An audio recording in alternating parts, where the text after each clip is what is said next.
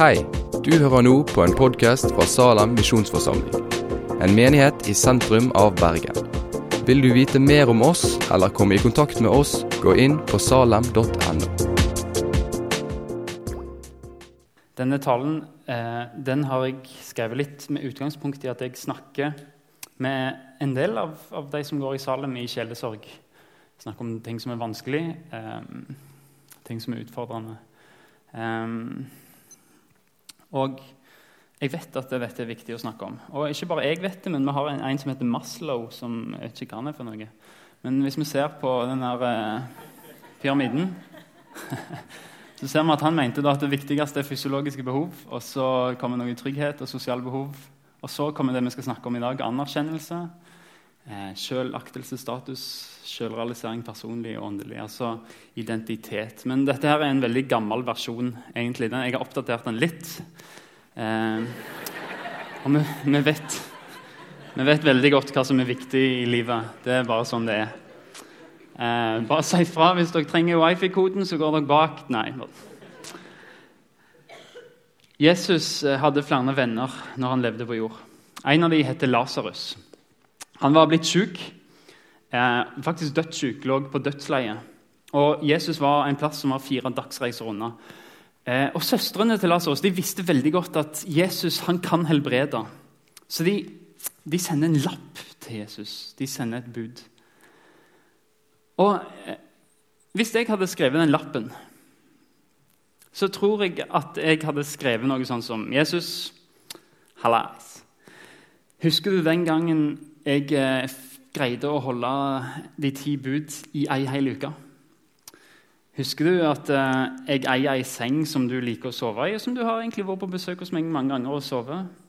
Husker du at vi har hatt noen veldig fine opplevelser sammen, og at jeg kjenner noen på hoffet i Jerusalem som du kan nyte litt godt av den relasjonen? Og husker du at jeg, eh, du sa til meg at jeg var ganske kjekk og pen? Ja vel, det er meg, Kristian. Nå er jeg sjuk. Eh, kan ikke du komme og hjelpe meg, for du skylder meg jo såpass nå. Jeg har fortjent det. Jeg tror min lapp ville sett sånn ut. Nå skal vi se etter hvert hva den ekte lappen egentlig var. Kjære far, takk for Bibelen. Takk for at eh, du har gitt oss ei bok som er relevant og som går inn i våre liv. Og Nå ber jeg Jesus om at det som vi skal dele her nå, kan få være noe som eh, vi vokser på som personer noe som skaper en tillit i oss, sånn at vi stoler på deg, og sånn at vi sier 'Jesus, jeg vil gi meg ditt liv', eh, fordi jeg ser at du er til å stole på, at ditt ord er sant, og jeg tror at eh, du er den som kan frelse, sånn som du sier i Bibelen. Ber Jesus om at du kan åpne hjertedøren vår, og la oss få tale til hjerte, hode, sinn og tanke, Jesus. Amen. Det mest naturlige spørsmålet i verden å stille det er hvem er jeg? Hva er min identitet? Um, hva gjør at jeg er verdt noe? Jeg, jeg er verdifull. Og vi trenger forklaringer med mennesker. Vi trenger anerkjennelse, vi trenger bekreftelse på at uh, vi gjør noe bra, på at vi betyr noe for noen. At vi er verdifulle, at noen er glad i oss. Og og Kanskje har ikke du tenkt over disse spørsmålene i det hele tatt, men ta deg tid under talen til å tenke grundig. Hva er det som, som, definerer deg, egentlig? Hva er det som gir deg verdi? Um, svaret vi gir på disse det svaret gir vi ikke nødvendigvis med ord. at vi uttrykker det. Jeg har aldri gjort det. Jeg har aldri liksom satt meg ned og definert sånn skriftlig når jeg var 18-19-20-25 år. Dette er det som identifiserer meg. Men jeg uttrykker det med måten jeg er på men det jeg gjør med mitt liv og mine prioriteringer, ikke, ikke minst. Og kanskje, du, kanskje uttrykker du din identitet gjennom prestasjoner. Jeg betyr noe fordi jeg får best karakter i klassen. Fordi jeg er flink til å være leder på leir eller har en tjeneste i Salem som jeg gjør veldig bra. Eh, jeg er dritgod i fotball. Kanskje sier du det gjennom eiendeler. Jeg, jeg, har verdi fordi jeg har de riktige klærne. Det betyr mye for meg at folk legger merke til, til, til nye buksa mi, eller at jeg har den aller, aller nyeste iPhonen. Kanskje sier du det i forhold til opplevelser. At jeg blir sett fordi jeg alltid kan fortelle om noe nytt jeg har gjort. Et nytt land jeg har vært i, eller den premieren jeg var på i går. Kanskje uttrykker du hvem du er gjennom relasjoner. at det er viktig for deg. Jeg betyr noe fordi jeg henger med de mest populære. Jeg er den rette gjengen. og Hadde jeg ikke vært der, så tror jeg jeg hadde følt meg som en taper. For det, det er dette som gjelder. Eller kanskje er det utseendet. Jeg har verdi fordi jeg følger trendene. Eh, og fordi jeg ser så bra ut som mulig. For min del så, så har mye av identiteten tidligere vært i kunnskap. At det var viktig for meg å kunne mye. Det var den jeg var. At jeg ville være den som hadde kontroll på mye forskjellig kunnskap. Og når jeg ble spurt om uh, ting som jeg ikke hadde peiling på, så hadde jeg hørt om uh, Leif Jacobsen. Uh, ja, ja, ja, jeg har hørt om han, kanskje så mye om han, jeg har hørt navnet. Så jeg har ikke peiling, Men det var viktig for meg å bare fremstå som om jeg hadde kunnskap. Og det, jeg ser jo i ettertid at det, det gir jo ikke mening, men jeg henger nok fortsatt litt fast i den av og til. Men jaget etter å leve etter dette gjør, det gjør noe med oss. Det gjør at vi får noen snille, smilende og pliktoppfyllende ungdommer her i Salem, på utsida iallfall.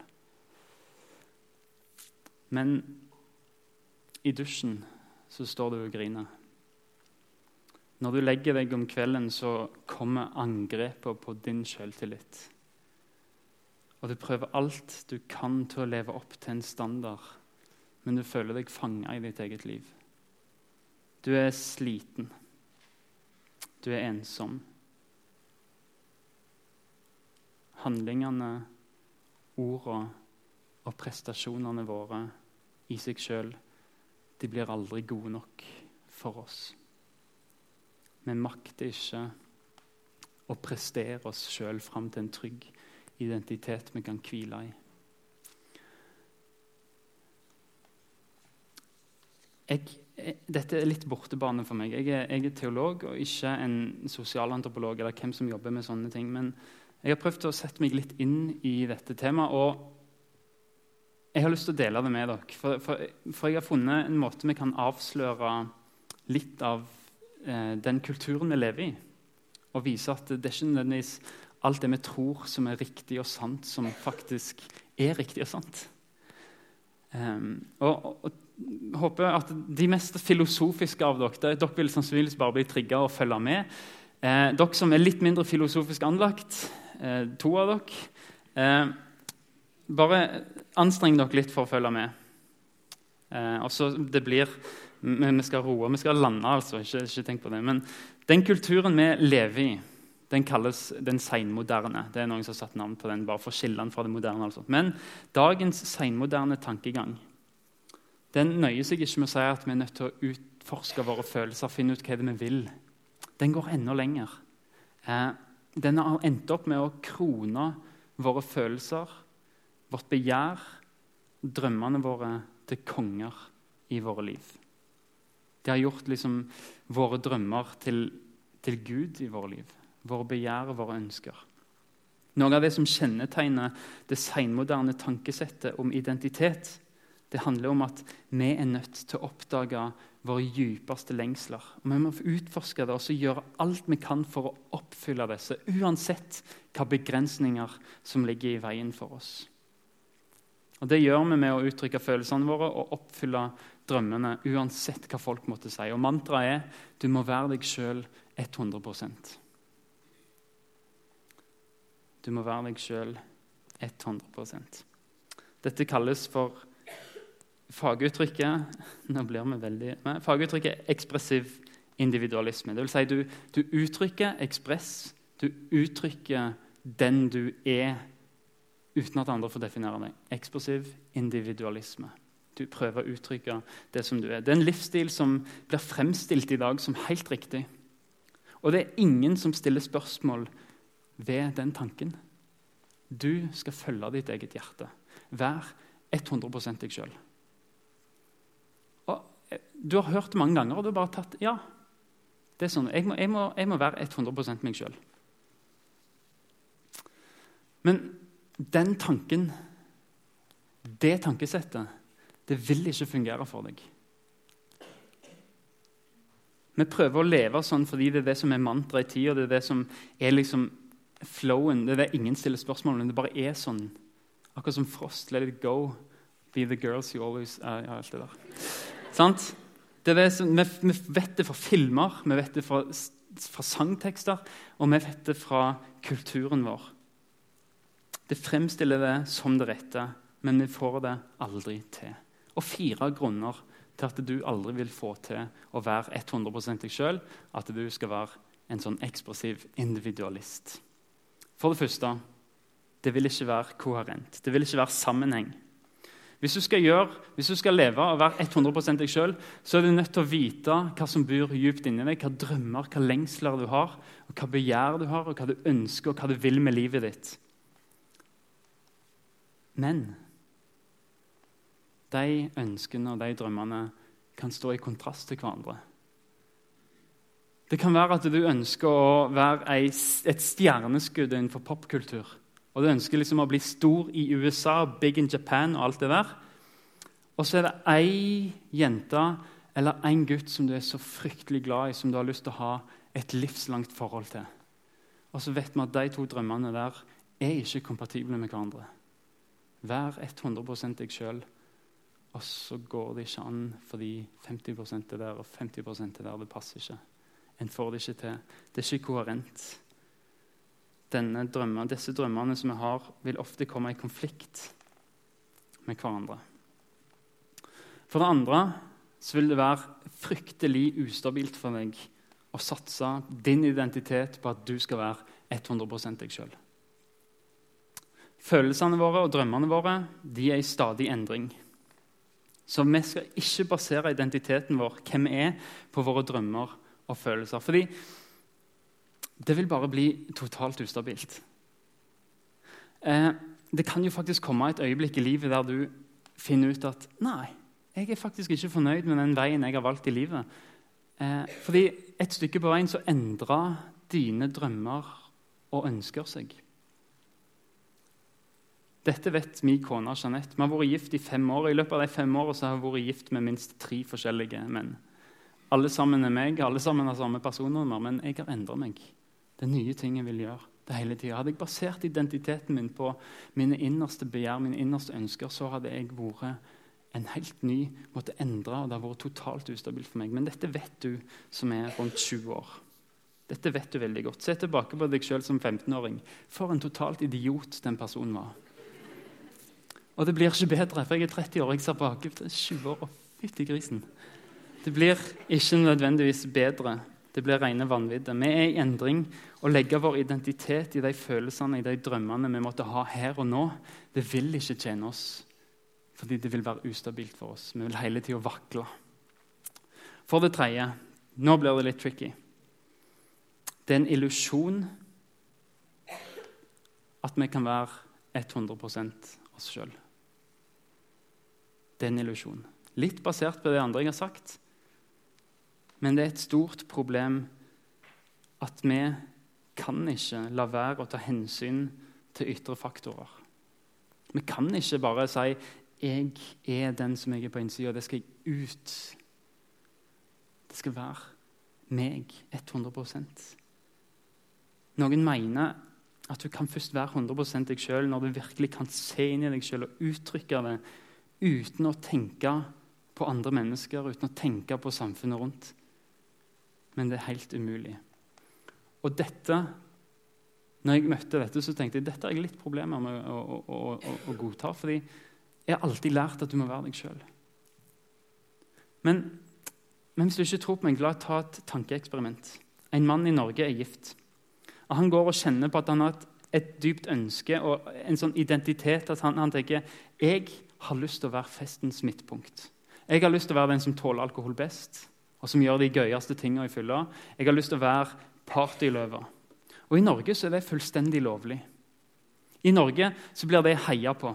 Ja, bra. Det er en god ting å være liksom festens midtpunkt. Å være den gøye, joviale typen. Og så omfavner han den karakteren og tanken, og så identifiserer han seg med den, og så sier han til meg sjøl det er meg. Jeg er festløva. Det er den jeg vil være, og jeg vil følge dette ønsket. Jeg vil leve opp til denne identiteten. Men samtidig så har han en annen drøm. Han er gift, men han går og drømmer på at han har lyst å ha to koner. For han syns det er så bra. Og han har allerede sett seg ut ei som han kunne tenke seg å ha som kone nummer to. Men i Norge så er det ulovlig og avskyelig for mange. Og til dette så vil han si denne følelsen, det er ikke meg. Den ligger djupt inni han, men dette er ikke meg. Denne følelsen vil jeg trykke ned, denne vil jeg kontrollere. Det var kanskje et drøyt eksempel, men, men uansett så tror jeg hva jeg prøver å si. For dette tankeeksperimentet det viser at vi kan ikke bare hente vår identitet kun innenfra. Vi har noen moralske rammer og et sånt filter, sånn som vi siler våre drømmer, våre ønsker og begjær igjennom. Desse, dette filteret det hjelper oss å finne ut av hva følelser vi vil identifisere oss med, og hva vi skal uttrykke, og hva vi ikke skal. En mann fra Iran han ville valgt det totalt motsatte av den norske mannen. Han hadde sagt Nei, jeg skal ikke være festløve, for alkohol er tabu i min kultur. Men jeg vil ta meg ei kone nummer to, fordi det er helt greit. Ser du at vår kultur, vårt samfunn, det er et filter på oss, sånn at vi ikke er den der usensurerte versjonen av oss sjøl. Det er ikke det som er vår identitet, men vi filtrerer det gjennom kulturen vår gjennom samfunnet. Våre innerste tanker og følelser og impulser det er ikke en god nok guide for å finne oss en god og en lovlig identitet. Vi er avhengig av en standard utenfor oss sjøl for å hjelpe oss til å sortere hva impulser og hva følelser og drømmer vi skal leve ut. Og denne, Dette filteret som jeg snakker om, det kommer fra kulturen, fra samfunnet vårt. Fra heltefortellingene, altså fra sangen, fra filmen og fra bøkene vi leser. Og du velger faktisk ikke å være deg sjøl fullt og helt, men du filtrerer dine følelser. Og så forsaker du noen ting som kulturen sier nei til, og så omfavner du noen som kulturen sier yes til. Og så er du ikke 100% deg sjøl, for du er så totalt Totalt filtrert gjennom den kulturen vi er i. Du velger å være den personen som kulturen din sier at du kan være. Og Til syvende og sist så gir det oss en konklusjon om at en identitet basert utelukkende på dine egne følelser og egne begjær, det er helt umulig. Det går ikke an å være 100 seg sjøl. Du vil alltid være prega. Og det at kulturen får prege oss, det gjør at neste problem kommer. Det kommer til å knekke deg til sist. Du, det at du ser til dine egne følelser og ønsker og begjær for å finne din identitet, det kan virke som frihet. Ingen andre får bestemme hvem jeg skal være. Og Du skal få lov til å bestemme sjøl. Vi tror det er frihet, men det er en kjempestor byrde. Fordi vi tar noen drømmer som vi har, og så filtrerer vi det gjennom en kultur som vi lever i. Og den kulturen som vi lever i, den sier en suksessfull jobb, en flott familie, en SUV, svær bil, en spektakulær hobby som er verdt å legge ut på Instagram. Penere, rikere, raskere, smartere, bedre, perfekt. Det er vårt filter. Vi tror vi lever ut våre egne drømmer. Men vi ser ikke at vi bare ønsker å oppnå det som samfunnet setter opp som et sånt kirsebær på toppen av kransekaka. Og så sliter vi oss totalt ut etter jaget, etter å være et menneske som ingen kan leve opp til. Fordi filmene, sangene og bøkene forteller oss at det er sånn det er å følge sin drøm 100 Pga. dette så ser vi så utrolig mange slitne ungdommer som ikke lenger makter å jage etter å være seg sjøl 100% Et bilde de tror kommer innenfra, men som er gitt oss av et samfunn som har putta så mye sminke på alle lytene at vi ikke igjen kan kjenne igjen virkeligheten. Et jag etter det som er så perfekt at det er helt uoppnåelig. Det jaget vil knekke deg. Vi blir altså fortalt i vår tid, i vår kultur, at du må finne ut hva dine innerste ønsker og drømmer er, og så må du oppfylle de. Alternativet er å kjenne seg mislykka. Vi må oppnå gjennom hele tida å sammenligne oss med andre som har fått det til. Og denne konkurransen skaper en uendelig med bekymringer og uoppnåelige mål. En senmoderne filosof som heter Gail Sheeny, han sier at vi må ikke bry oss om hva andre mener om oss. Men vi må tilsi oss sjøl dommen om at vi er viktige, og at vi er verdifulle. Du må sjøl si til deg sjøl at du er verdifull og viktig. Det, det er den tida vi lever i. Si det til deg sjøl. Jeg tror det er òg en illusjon. At du kan bestemme din egen verdi og leve som om det holder. Jeg tror ikke at du kan oppnå verdifølelse gjennom å anerkjenne deg sjøl. Det er ikke et alternativ for meg å si at jeg bryr meg ikke om hva andre tenker. Jeg bryr meg ikke om at de tenker at jeg er et monster engang. Jeg, jeg elsker meg sjøl, og det er alt som betyr noe. Vet du hva, Det hadde ikke funka for meg. Det ville ikke gitt meg noen følelse av verdi med mindre jeg hadde virkelig, virkelig misforstått virkeligheten, tror jeg. Jeg tror mye av forklaringen til at vi det ikke holder for oss, finner vi i Bibelen om hvordan vi er skapt. For vi er skapt på en måte som gjør at vi er avhengige av andre for å være anerkjent og for å føle oss verdifulle. Gud har skapt oss til fellesskap, og det er i fellesskap med andre mennesker at vi kan få lov til å få anerkjennelse og bekreftelse. Bare tenk med deg sjøl, er det ikke så utrolig godt å høre fra noen andre at du er viktig? at du er verdifull. Noen som kjenner deg, noen som er glad i deg, noen som bryr seg om deg, som sier 'Jeg setter så stor pris på deg'. Det er godt å høre. Det er fordi Gud har skapt oss til et sånt fellesskap der vi skal få bekrefta hverandre. Vi trenger at noen utenfra sier at vi er verdifulle. Og Jo større og mektigere den personen er, jo større og viktigere er den anerkjennelsen for oss, for vår identitet. Hvis vi prøver å viktiggjøre og anerkjenne oss sjøl, så ender det opp med en sånn vrangforestilling som vil lede oss inn i narsissisme. At vi digger oss sjøl. Eller at vi blir totalt uten sjøltillit. At vi mister sjølfølelsen helt. Så hva identitet er det du trenger for å få hvile fra dette jaget? Hva, er det du trenger for å kjenne at OK, jeg skal få hvile fra dette? Jeg skal ikke lenger pushe det helt umulige. Du trenger en person som anerkjenner deg. Og for at det skal være stabilt, så trenger du en utenfra som kan definere deg, gi deg navn, som sier hvem du er. Og Det er sånn vi er skapt. Noen må definere deg for at du skal få kjenne på din verdi. Men hvem skal det være? Og det har jeg tenkt litt på. Hvem skal det være for at jeg skal kjenne at min identitet er stabil, for å kjenne at min identitet er trygg? Hva person er det som må anerkjenne meg? For at jeg skal få en trygg identitet som er stabil, så trenger det være en person jeg har tillit til, som jeg tror på. Det trenger å være en person som ikke svikter meg og ikke forlater meg uansett hva jeg måtte finne på, eller hva som måtte skje rundt meg.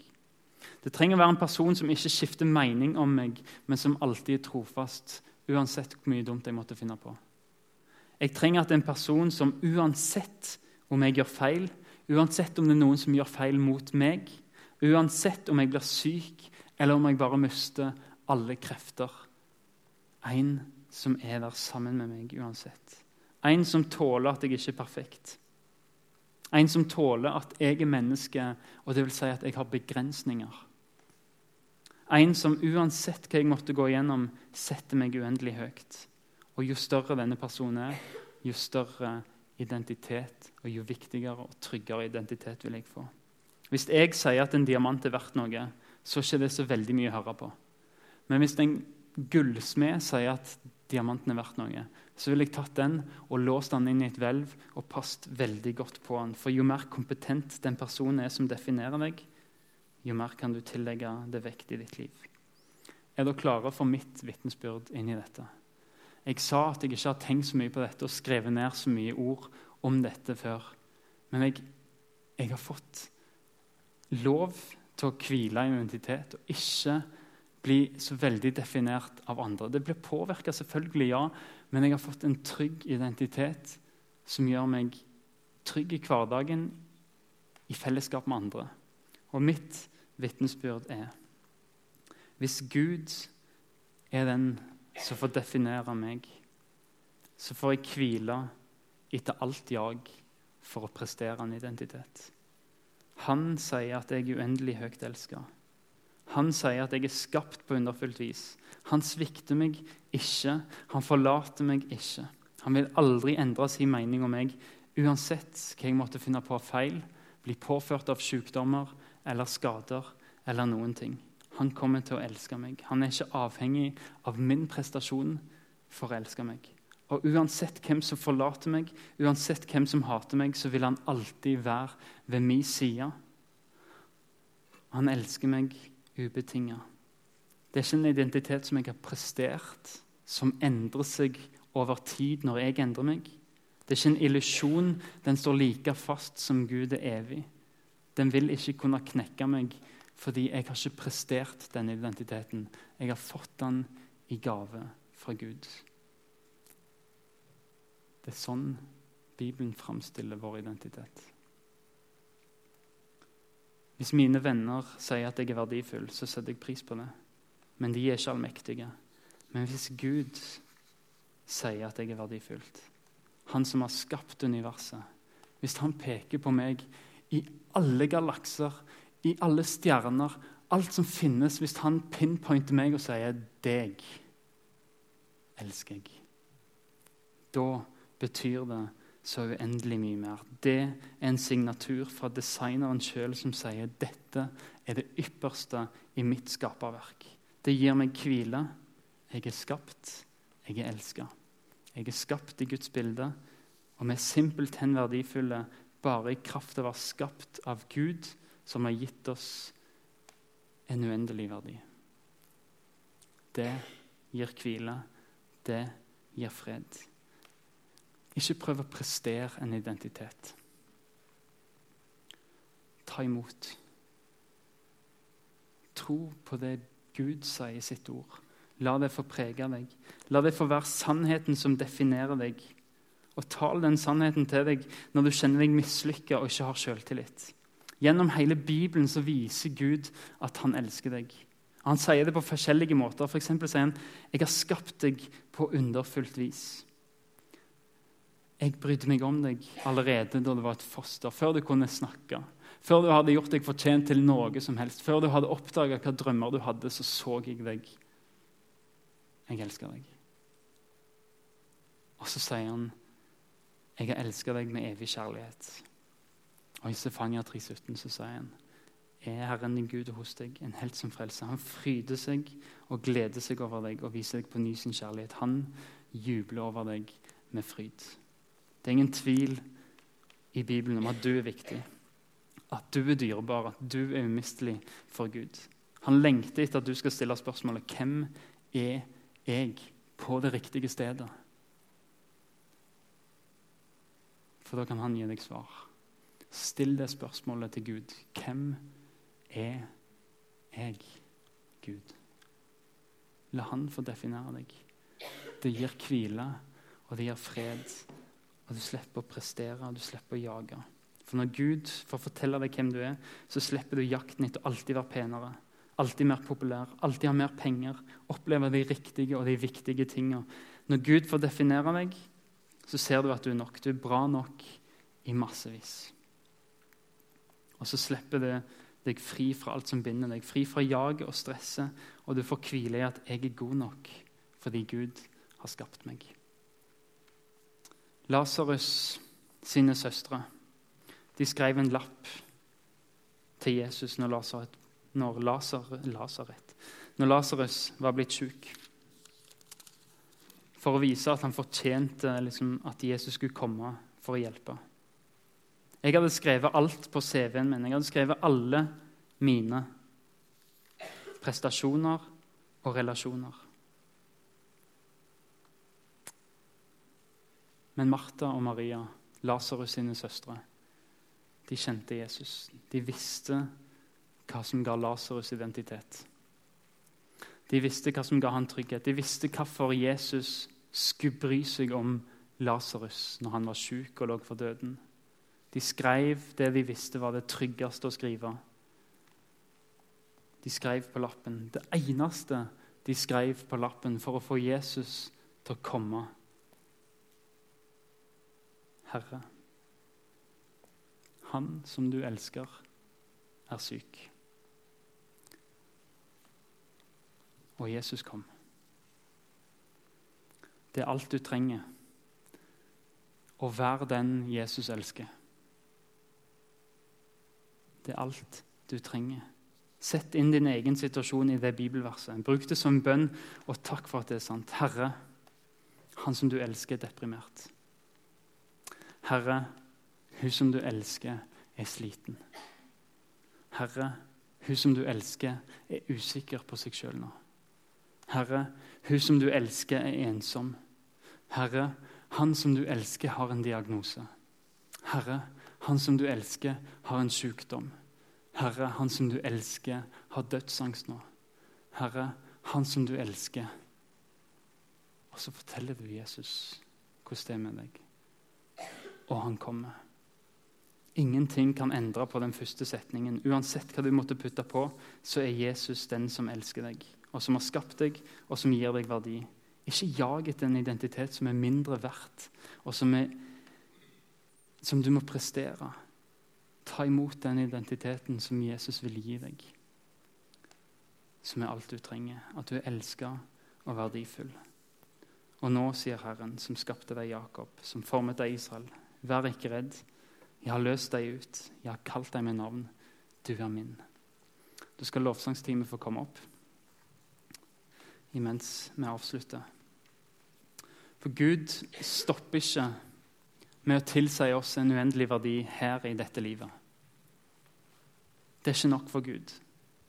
Han elsker oss mer enn at vi bare skal få lov til å hvile i en trygg identitet her og nå, i dette livet. Han vil gjøre noe enda mer. I evangeliet, som jeg kaller det, historien om Jesu gjerning på jord, så ser vi at Jesus gjør noe enda større med vår verdi. Han utvider den til å gjelde ikke bare her i livet, men inn i evigheten. Det oppnås ikke gjennom våre prestasjoner eller sosiale roller. Ikke gjennom å leve opp til en moralsk kode eller en religiøs standard eller suksess. Det oppnås med at Jesus konkretiserer sin kjærlighet for deg. Han viser praktisk hvor høyt han elsker deg. Når han kommer til jord, når han går på korset og tar din straff for dine synder, for din skam, og velger å dø i ditt sted, sånn at han tar den straffen som du skulle hatt. Og så vil han at du skal ta hans plass som Guds barn. Han elsker deg, og han viser det med å bytte plass med deg. Han tar din straff, så du kan få hans liv. Det er den ultimate anerkjennelsen. At Gud gjør oss til sine barn gjennom i troa på Han. Så får vi bli arvinger til Hans rike, til evig liv. Alle som tok imot Han, de ga han rett til å bli Guds barn. De som tror på Hans navn. Den som tror på Jesus, får hans identitet som barn av Gud. Og Gud vil ikke se på oss som mislykka prosjekter som aldri greide å oppfylle våre drømmer og våre løfter. Men han ser på oss som sine egne sønner og døtre, som han elsker, som han oppdrar, og som han viser vei, og som han lar gå i ferdiglagte gjerninger. Feilfrie og rettferdige som Jesus sjøl. Og det kan du få ta imot med bare å tro. Vi sier til Jesus, 'Jesus, jeg tror at du døde for meg. Kan du gjøre meg til ditt barn?' Så ser vi at Gud gir mennesket en identitet, en verdi, som gjør at vi slipper å jage. Vi slipper å stresse etter alt. Vi slipper å frykte for å være mindre verdt enn alle andre som fikser livet så veldig bra. For Gud har gitt alle lik verdi. Og han stopper ikke der. Han vil òg gjøre deg til sitt barn om du vil tro på han. Og da skal du òg få lov til å slippe å frykte døden, for han vil gi deg evig liv.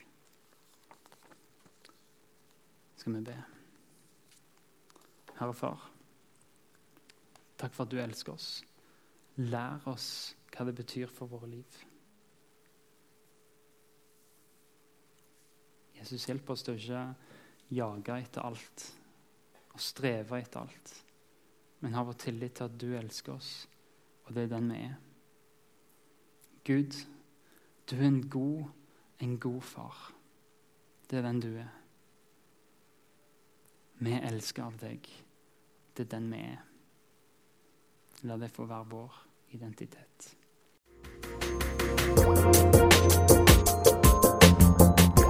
Takk for at du har hørt på podkasten fra Salem, Bergen.